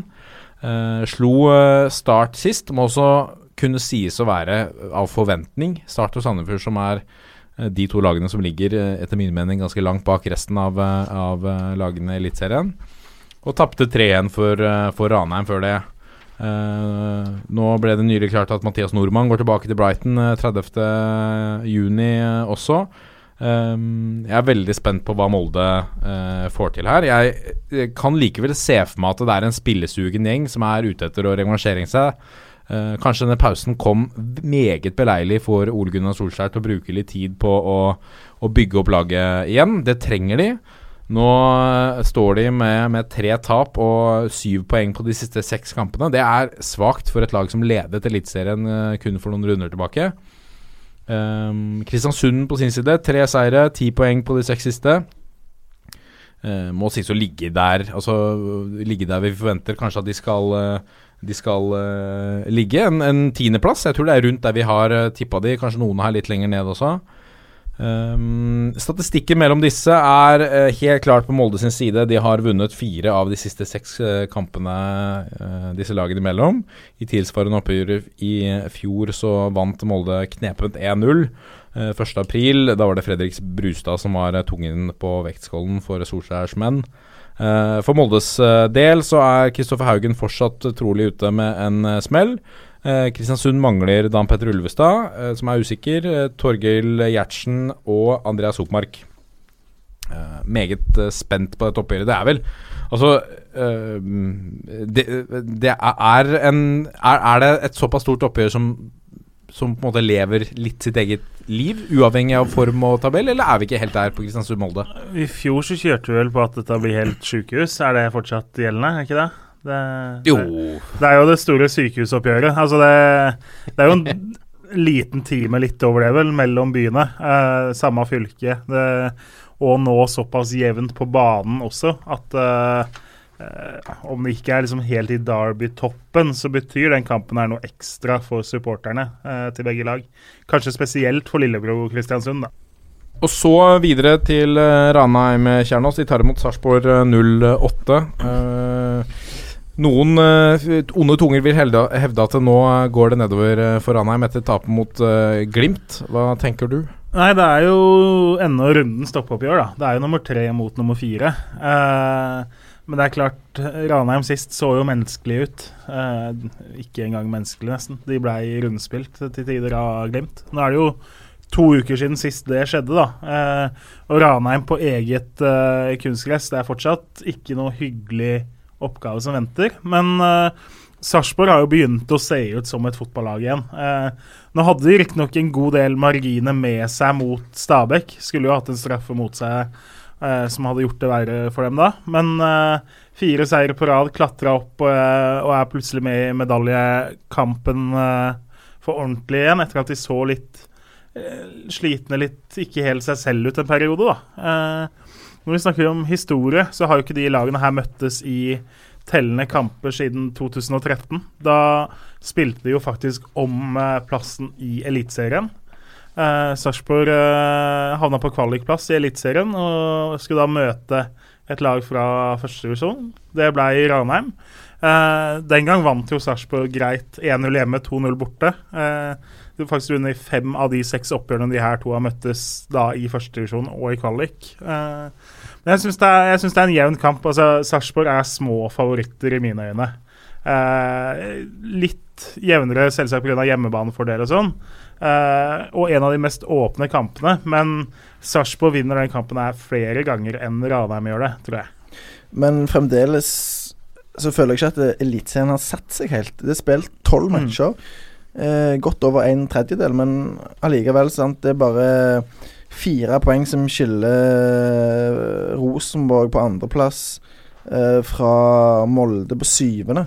Uh, så det er veldig tett, eh, ekstremt jevnt. Og Sarpsborg gnistra jo Det gnistra jo ikke av de mot Stabæk. Det var en kamp som fort kunne bikka begge veier. Så gjorde de et bytte der, fikk inn på Sing, eh, som eh, styrte midtbanen på en bedre måte. Fikk litt eh, bedre kontroll på matchen. Og så var det jo en naivt forsvarsspill, eller rett og slett bare svakt forsvarsspill av uh, Stabæk på et par dødballer der mot slutten som gjorde at de tapte den matchen. Men eh, eh, fire strake seire fra Sarpsborgs side, det er råsterkt og egentlig nokså sjelden vare i eh, en så jevn eh, liga som Eliteserien. Så det er klart at det, da er de plutselig tilbake igjen i, i medaljekampen og, og der de ønsker å være. Eh, Samtidig så møter de et uh, Ranheim-lag som har prestert ekstremt bra, Uh, bortsett fra i uh, den forrige matchen mot uh, Bodø-Glimt. Så dette er et uh, helt åpent oppgjør, sånn som jeg ser det. Ranheim har jo ikke gjort det spesielt bra når de må reise nordover. Eh, 0-4 både borte mot Glimt og Tromsø. Eh, så nå er de ferdig med de nordligste turene, så kanskje det hjelper. Ja. Et eh, meget interessant oppgjør eh, denne runden, syns jeg. Nå eh, gjorde det enda mer interessant etter eh, nyheten i dag om, om eh, Skullerud, er start mot Strømsgodset. Kjetil Rekdal inn, som, som vi har snakket om som trener i, i Start. Møter nå et trenerløst eh, Godset. Kanskje, altså, hvem vet det, Er det BP som, som tar den jobben midlertidig? Det, det vet vi ikke. Men, men hva tror du om, om den kampen, uh, Bårdsen? Det er jo en uh, kamp som eh, begge lag ser muligheter i. Eh, start har jo vært eh, en viss periode uten eh, hovedtrener, og så nå har de fått Rekdal på plass, som eh, kom inn der eh, eh, som en eh, autoritetsperson som vil stramme opp det laget der. og og kreve veldig mye av eh, samtlige spillere. Eh, så sånn sett så passer han veldig bra inn i et startlag som har eh, eh, lengta etter ledertyper, først og fremst på banen. Men nå får de det i form av Rekdal eh, på sidelinja og på treningsfeltet. Eh, og så får han, eh, sammen med Tor Christian Karlsen, sørge for å få inn eh, disse ledertypene, ledertypene eh, i stallen òg i, i løpet av sommeren, for det trenger de. De møter jo et godselag som har underprestert noe voldsomt. Eh, de fleste trodde jo at det var Godset som skulle eh, være Rosenborgs eh, fremste utfordrer om tittelen, hvis vi skulle få en, en reell kamp om det gullet denne sesongen, som Brann har endt opp med å gi Rosenborg. Uh, Istedenfor ligger de på tolvteplass uh, på tabellen og, og står nå uten uh, uh, hovedtrener. Og um,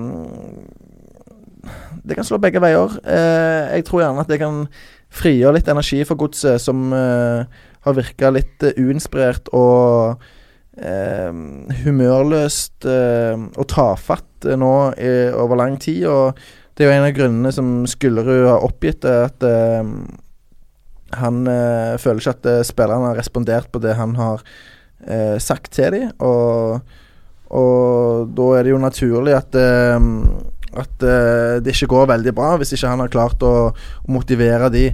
Um, så det kan bli en bra match, tror jeg. Med høy intensitet, bra trøkk og, og to lag som virkelig ønsker å, å vise seg fram. Uh, så jeg tror uh, Start Strømsgodset blir en uh, veldig bra match. Og selv om Eliteserien ikke har satt seg, som du nevnte i stad, Joakim, så, uh, så har den jo satt seg litt i bunn. Det er liksom en tre-fire-fem lag der nede som, som, ligger liksom litt utsatt til. Da, og Start er jo et av de, og de, de trenger jo egentlig en seier mer enn Godset for å komme ut av gjørma.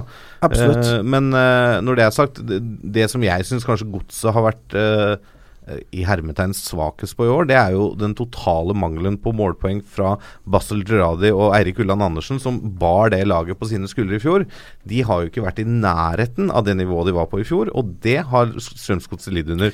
Markus Pedersen har jo levert, han har skåra ni mål, men det, det har kommet på fire eller fem kamper. Ja, og i uh, Ulland Andersen og, og Gerardis forsvar så har begge slitt med med mm, henholdsvis uh, en lyskeskade og, og sykdom. Uh, så da er det ikke alltid like lett å, å få en flying start. Men det er ikke bare de to som har slitt. Lars Kristoffer Wilsvik, f.eks. Hva har han vært denne, denne våren?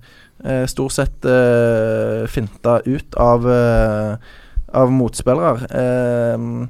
Ble lekt med av Bamba i Christian Lyst, Christian Lyst i Kristiansund f.eks. Og, og det var fryktelig å se på. Så mm, det er mange som må gå i seg sjøl i godset. Uh, det er ingen automatikk i at uh, selv om de bytter trener, så skal ting plutselig bli veldig mye bedre. Så først og fremst er det spillerne der som må ta tak. Ja. Og så til en, en klassiker, et prestisjeoppgjør i norsk eh, fotball, Lasse Wangstein. Jeg må spørre deg, hater du Bergen by? Nei, jeg gjør ikke det. Ehm, jeg har nok sunget det fra tribuneplass, sånn som fotballsupportere gjør. men det ligger jo ikke noe mer i det. Altså, Jeg regner ikke med at bergenserne blir så indignerte som de blir i Molde fordi at trønderne roper 'hater Moldeby'. Eh, fordi en skjønner at det er sånn det fungerer, liksom. Det, men eh, ja, det er en klassiker, det er helt klart. Og, det er på én måte en toppkamp. Det er ikke rundens toppkamp, sånn som vi var innom i stad, men det, er, altså det skiller jo ni poeng da mellom serieleder Brann og femteplasserte uh, Vålerenga. Men uh, jeg syns det er greit å kalle en toppkamp for det. For skulle Vålerenga vinne, så vil jo for alvor være med i medaljekampen. Da er det for de er bare tre poeng bak sølvplassert Rosenborg før denne runden. Eh, Brann beholder serieledelsen uansett resultat, etter at de uh, slo uh, Rosenborg uh, Snudde 0-1 underlege til å vinne 2-1 på Lerkendal sist. Det var imponerende, altså. Det var sterkt. Um, men uansett tabellposisjon så er dette en stor kamp i norsk sammenheng. Eh, det er lagene fra de to største byene, og det er kamp på tribunen. Og det er som regel ganske bra intensitet i disse kampene. Det er litt fyr mellom de supporterleiene òg, Ja, det er det.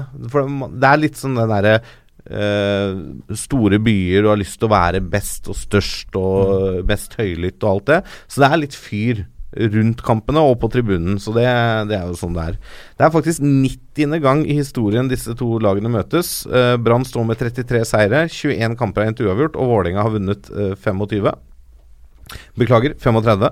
Målforskjellen er 143-137 i Branns favør. I Bergen har jo Brann eh, litt mer overtak, med 20 seire mot Vålerengas 13, hvor 11 har endt uavgjort.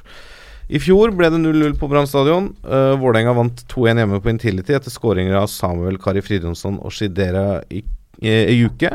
Fredrik Haugen skårer for Brann. Uh, Fridjonsson skårer garantert ikke på søndag, for han er opptatt med å forberede seg til VM som eneste spiller fra Eliteserien. Han skal spille for Island, eller i hvert fall være med i troppen. Er det da duket for matchvinner Bård Finne? Jeg tror nok at Bård Finne fort uh, blir å finne fra start i den kampen på høyrekanten, og så Hæ? Bård Finne blir å finne? Ja, sa jeg det? Ja, det, ja, det fikk jeg ikke med meg.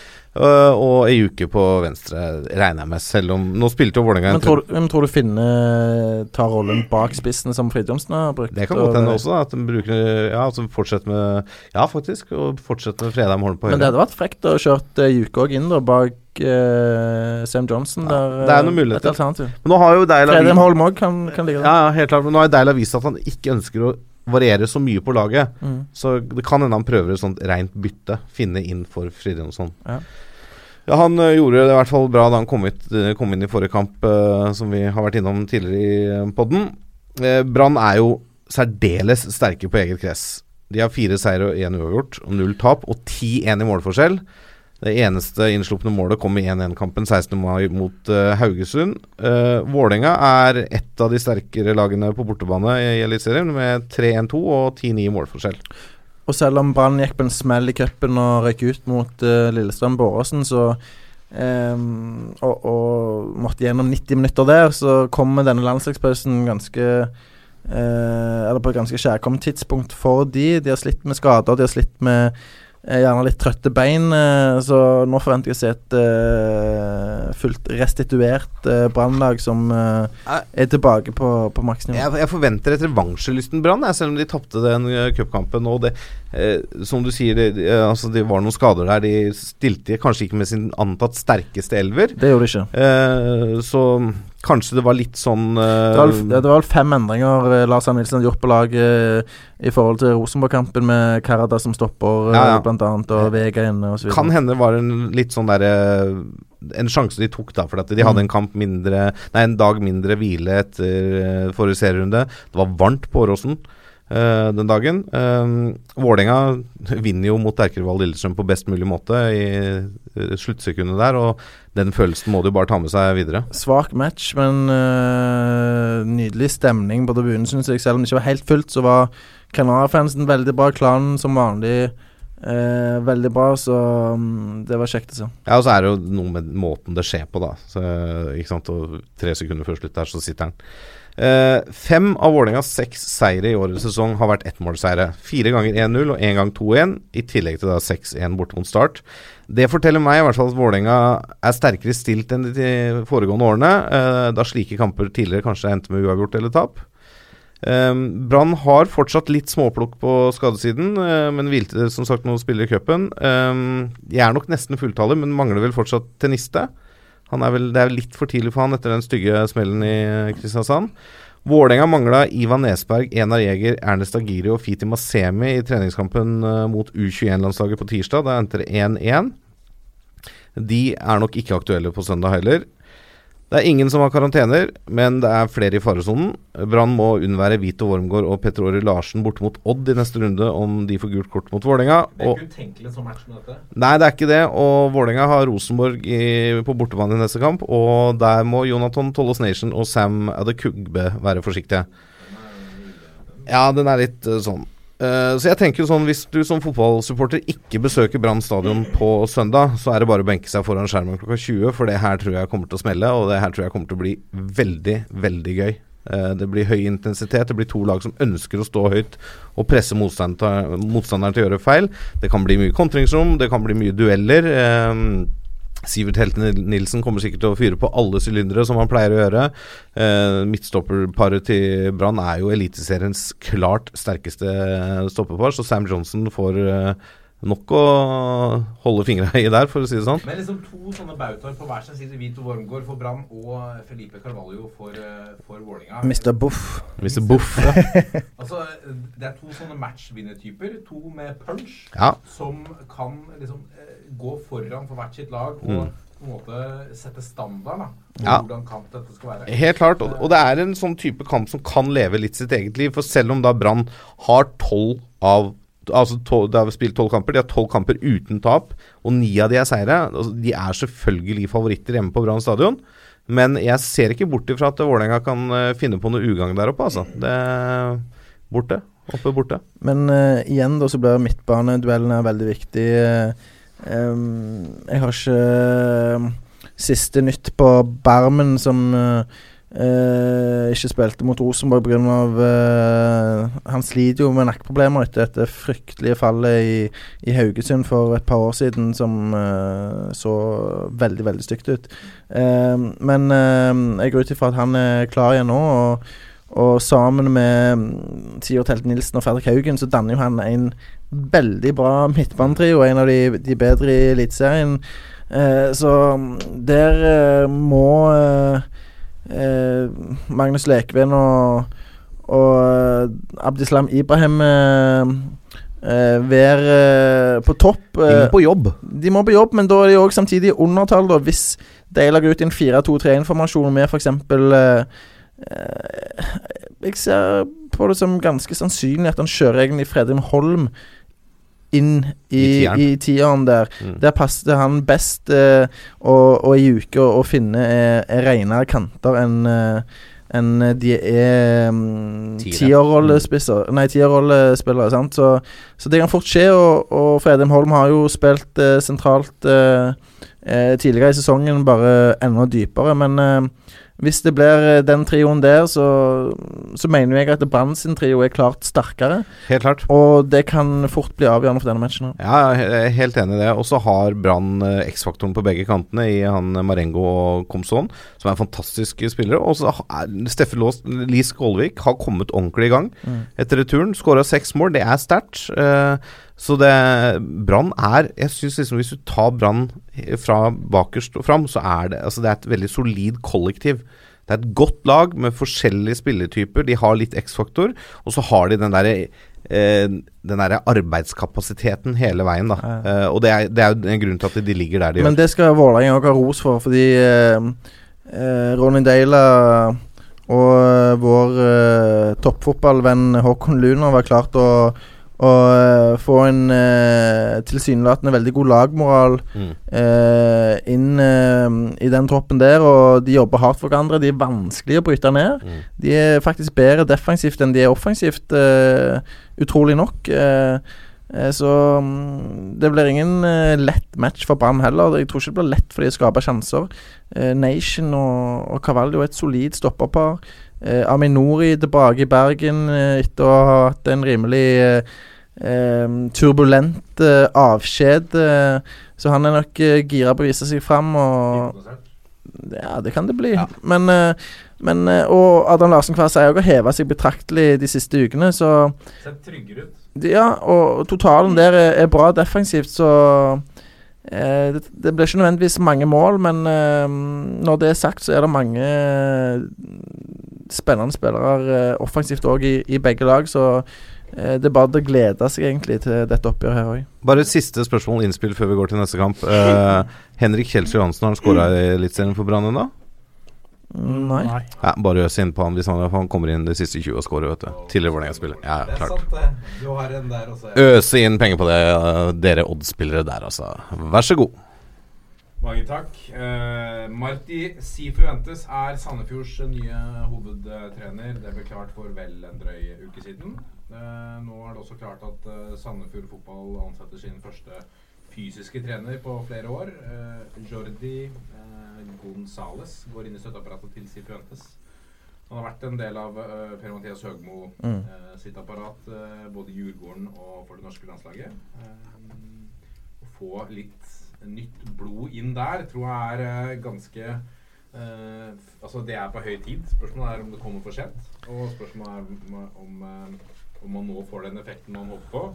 Um, Altså, det er ikke for seint å redde plassen. De ligger sist, ja, med bare fem poeng, men opp til Stabæk på kvalik så er det bare fem poeng. Ja. Så det er jo fullt mulig med 18 uh, matcher igjen. Uh, ja, ja, teoretisk absolutt. Ja, Så og er det jo det å- teore er god nok? Er- Ja, altså det, det er ikke så mye svakere uansett enn enn, uh, de lagene de kommer til å kjempe mot om å holde plassen. Så ja, det kan fint gå, men jeg veldig usikker på hva eh, denne nye treneren står for. Han er et uh, ubeskrevet blad. eh, har ikke hatt eh, særlig med med um, hovedtrenerjobber tidligere, så eh, han er gjerne faglig veldig dyktig, men eh, det er en veldig krevende jobb han eh, nå går løs på, så eh, jeg håper for Sandefjords del at de har gjort et klokt valg, men eh, eh, det blir interessant å bli bedre kjent med, med den typen. Ehm, vi må snakke om, om eh, kampen mot uh, Haugesund. Uh, Sandefjord nå som står med en, en lang tapsrekke.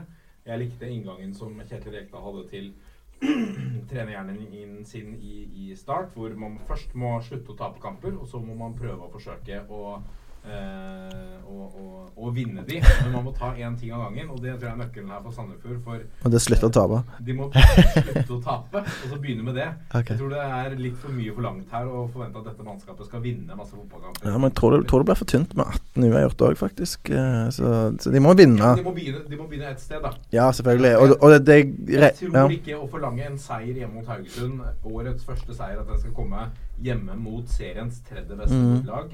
Ehm, litt usikker. Nå er riktignok Kristian Grindheim er usikker. Vært viktig for de så langt Haugesund. Eh, statistikken her taler soleklart til Haugesunds fordel 1-0-5.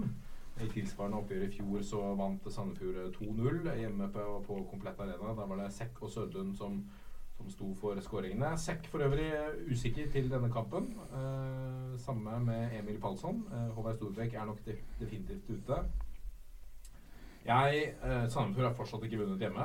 Eh, det er jo ganske utrolig etter tolv eh, matcher. Seks forsøk på hjemmebane.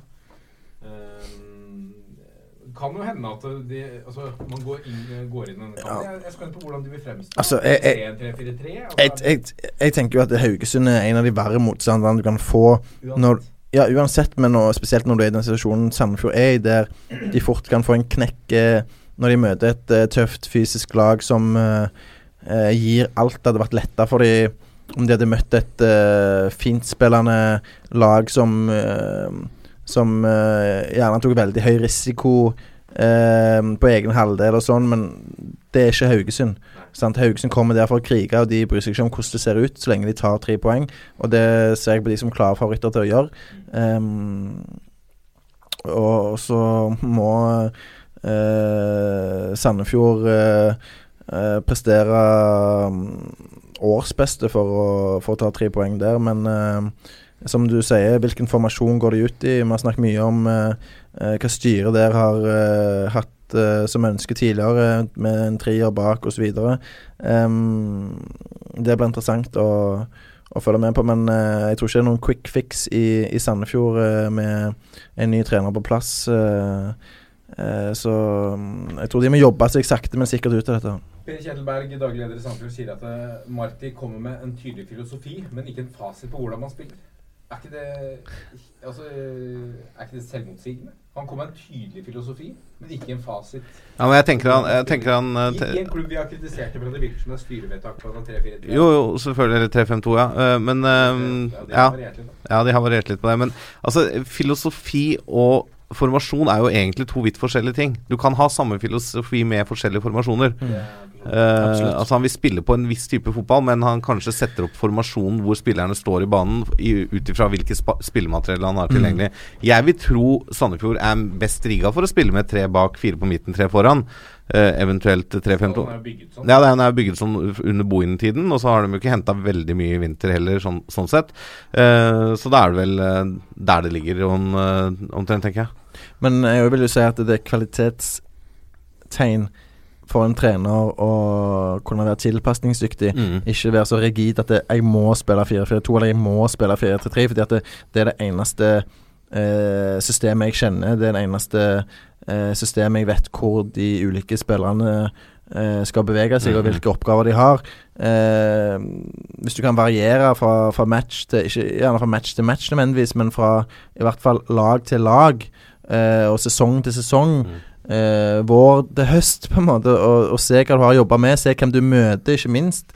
Ehm, så tror jeg at du vil eh, kunne tjene eh, mye på det i lengden. Vi går videre til Nadderud, Jørgen Kjernås. Stabæk tar imot Bodø-Glimt. Ja, det er jo to lag eh, som ikke akkurat har overprestert eh, i år. Eh, Joakim sa jo at det er jo ganske jevnt, men det går jo enn så lenge et skille på en måte nesten mellom eh, Kristiansund og Bodø-Glimt. Det er et lite skille, da, for det er fire poeng og én seier snur på det. Men det er Mm. liksom de seks nederste har på en måte utkrystallisert seg litt akkurat per nå, da. Absolutt. Eh, Bodø-Glimt fikk jo en voldsom opptur da de knuste Ranheim eh, 4-0 sist. Eh, og da er det jo alltid kjipt når det på en måte er to uker til neste kamp. Da Da vil de jo gnu videre på den og egentlig ha kamp fire dager seinere. Så jeg tror liksom ikke altså, Den følelsen sitter jo ikke i beina på dem. Men eh, de trengte å få en opptur nå, for det har vært en del smeller, og de tapte i Kristiansand eh, her kampen før det. Så Men det du sier der, går litt andre veien nå. Taper du 4-0, så har du lyst til å spille Mm. neste dag for å revansjere deg. Ja, det er sant, det. Uh, og det er klart, Stabæk kommer jo fra en kjip uh, feeling i Sarpsborg, hvor de ble snytt av dommere, var litt klønete tilbake og ikke var noe dårligere nødvendigvis, men endte med å tape 2-4. Ble trøkka til slutt litt i stykker der. Jeg syns det er en vanskelig kamp å spå. Jeg mener at det Stabæk-laget har jo et høyt potensial, men eh, som de har vist ganske godt, så svinger det noe fryktelig, eh, og det kommer det til å gjøre. Eh, samme gjelder jo Bodø-Glimt. Eh, det de var gode på mot Ranheim, som de ikke har vært så gode på eh, tidligere, er å slippe ballen litt før. Uh, det har vært veldig mye sånn én mann skal drible han, og så skal han ta en til, og så har løpet stoppa opp for lengst, og så er det ikke noe lag. Eh, det var jo det de var så gode på i fjor i Obos-ligaen. Det var eh, litt mer på en måte det laget som rykka opp, som spilte mot Ranheim, da, enn det vi har sett eh, tidligere i år. Det blir jo en viktig kamp nede i bunnen der. Skulle Bodø-Glimt vinne, så får de et lite pusterom. Ikke noe sånn at de kan hvile lenge, men uh, i motsatt fall, da, skulle Stabæk uh, vinne, og så vinne fort uh, noen av de andre lagene nede der, så blir det kjempejevnt igjen. Så en spennende match, men Men det som er så skummelt for Stabæk, det er at de eh, famler ennå i blinde. Det er liksom, de, har, de, de har ikke funnet seg sjøl, og eh, det er vel ingen eh, lag i eh, ligaen, bortsett fra Start og Sandefjord, som har sluppet inn flere mål enn de. Eh, samtidig så tenker du ja, ja, men de har eh, denne offensive styrken i eh, Ohi og Boli, eh, ikke minst. Eh, men allikevel så er det bare to lag som har skåret færre mål enn de. Så det ser ikke ekstremt bra ut offensivt, og det ser veldig dårlig ut defensivt. Og det er et utrolig dårlig utgangspunkt for enhver match.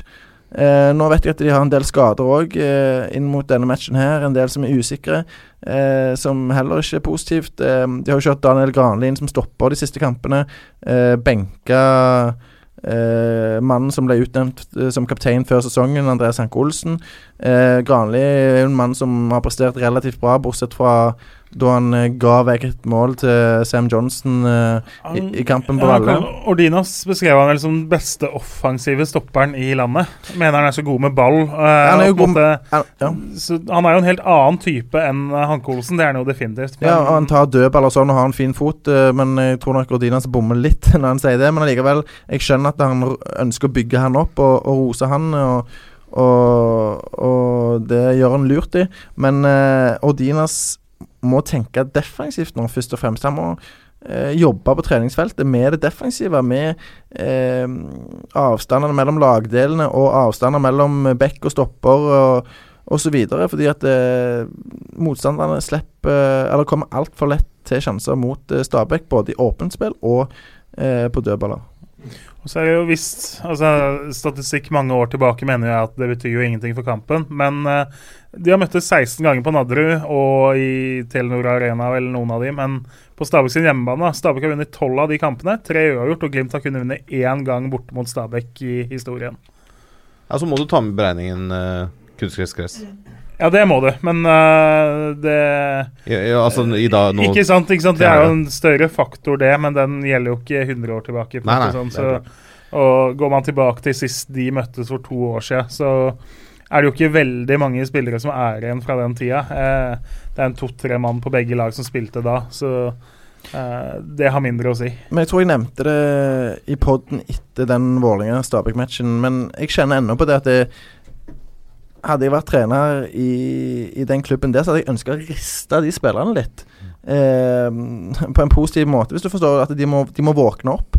De må skjønne eh, hva det går i, og at eh, de må krige for de poengene. Og at de kan ikke bare spille ut alle lag og og tro at det skal være godt nok. Eh, de må først og fremst ta krigen, vinne første ball, vinne andre baller. Eh, det er så mye talent i laget, men det kan du snakke så mye du vil om. Og, og det kan de være så bevisste på som, som, bare det, men det nytter ikke hvis de ikke møter til match fullt tente og liksom med dette ekstreme fokuset som kjennetegner gode lag, som kjennetegner Brann f.eks. Du ser at det, de er til stede på banen eh, når eh, matchen settes i gang, og de har på en måte et eh, felles mål som, som, de drives mot. Og akkurat nå så virker det som Stabæk-spillerne Eh, opptrer mye én og én, selv om at eh, de nok ikke ønsker det.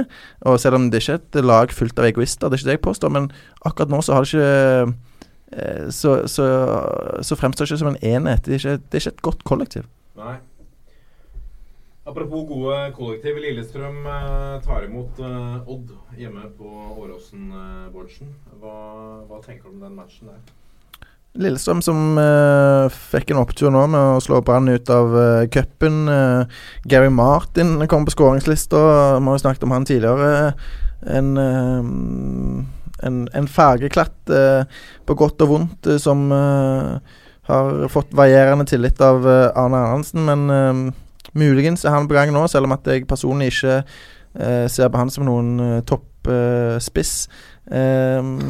men Lillestrøm skal jo være eh, vriene å slå, men eh, de ligger nede der. De, de må kjempe for uh, ethvert poeng, de òg. Og de møter et Odd-lag som fikk uh, bank uh, på hjemmebane mot Kristiansund sist. Um, så Det er en litt sånn grå match, i mine øyne. Litt profilløst, egentlig, på begge sider. Og, og en kamp som Som fort kan ende uavgjort, men som Ja. Det, det, er en av de egentlig mindre interessante kampene for meg denne runden.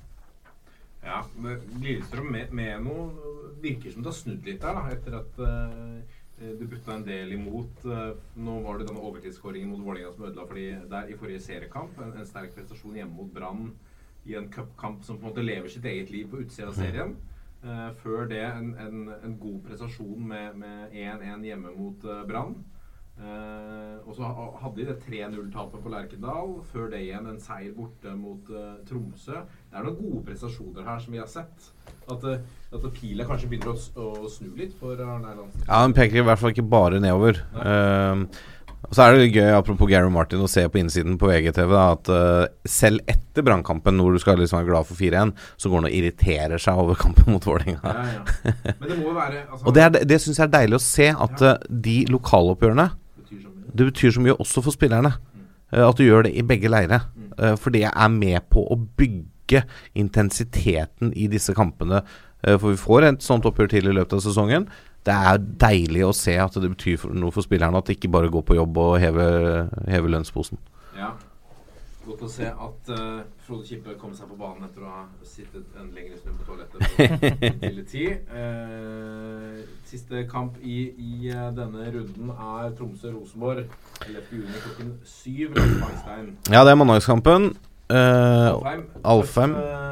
Tøff bortearena. Ja, og det sies jo flere steder at Alfheim er en bane Rosenborg ofte sliter på.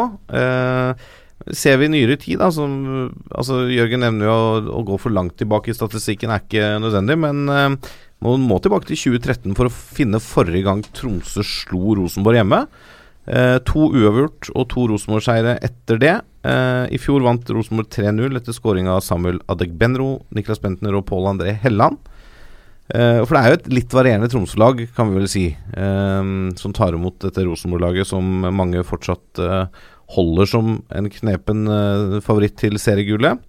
Uh, og de er nok helt sikkert gira i Trøndelagen på å kapre noen poeng igjen etter å ha tapt den i hermetegn seriefinalen mot Brann sist. Og Tromsø tapte jo også sist, 0-1 bort mot Haugesund. Så det er to revansjelystne lag som møtes. Uh, Tromsø er jo ganske god hjemme, 4-1-1 og 15-4 i målforskjell er status der. Rosenborg er nest beste bortelag i serien med 4-1-1 de også, men 6-3 i målforskjell. Så de skårer lite og slipper inn lite på, på bortebane. Uh, Gjermund Aasen har hangla litt i det siste. Han var god uh, i forrige hjemmekamp mot uh, Vålerenga, da Tromsø vant 3-0. Og så var han stående over mot uh, Haugesund. Om det var fordi at de spilte på gress, eller fordi han fått et tilbakefall, det vet jeg ikke. Så han uh, har sikkert hatt nytte av landslagsoppholdet og bør vel være tilbake igjen. Uh, det er i hvert fall viktig for Tromsø å få han tilbake. Pål André Helland gikk av til pause mot Brann, og Niklas Bentner, som mange har fått med seg, fikk seg en smell som også gjorde at han mista sannsynligvis VM-plassen for Danmark. Den er mista. Ja. ja, men altså, ja, den ja, smellen sånn, er nok grunnen til at han mista plassen. Ja, jeg skjønner ikke det. Ja. Uh, var det jeg tenkte, da. Uh, mulig jeg har formulert meg litt dårlig der. Beklager. Mulig jeg var litt treg. uh, så han er garantert ute. Han er sendt tilbake til København på rehabilitering.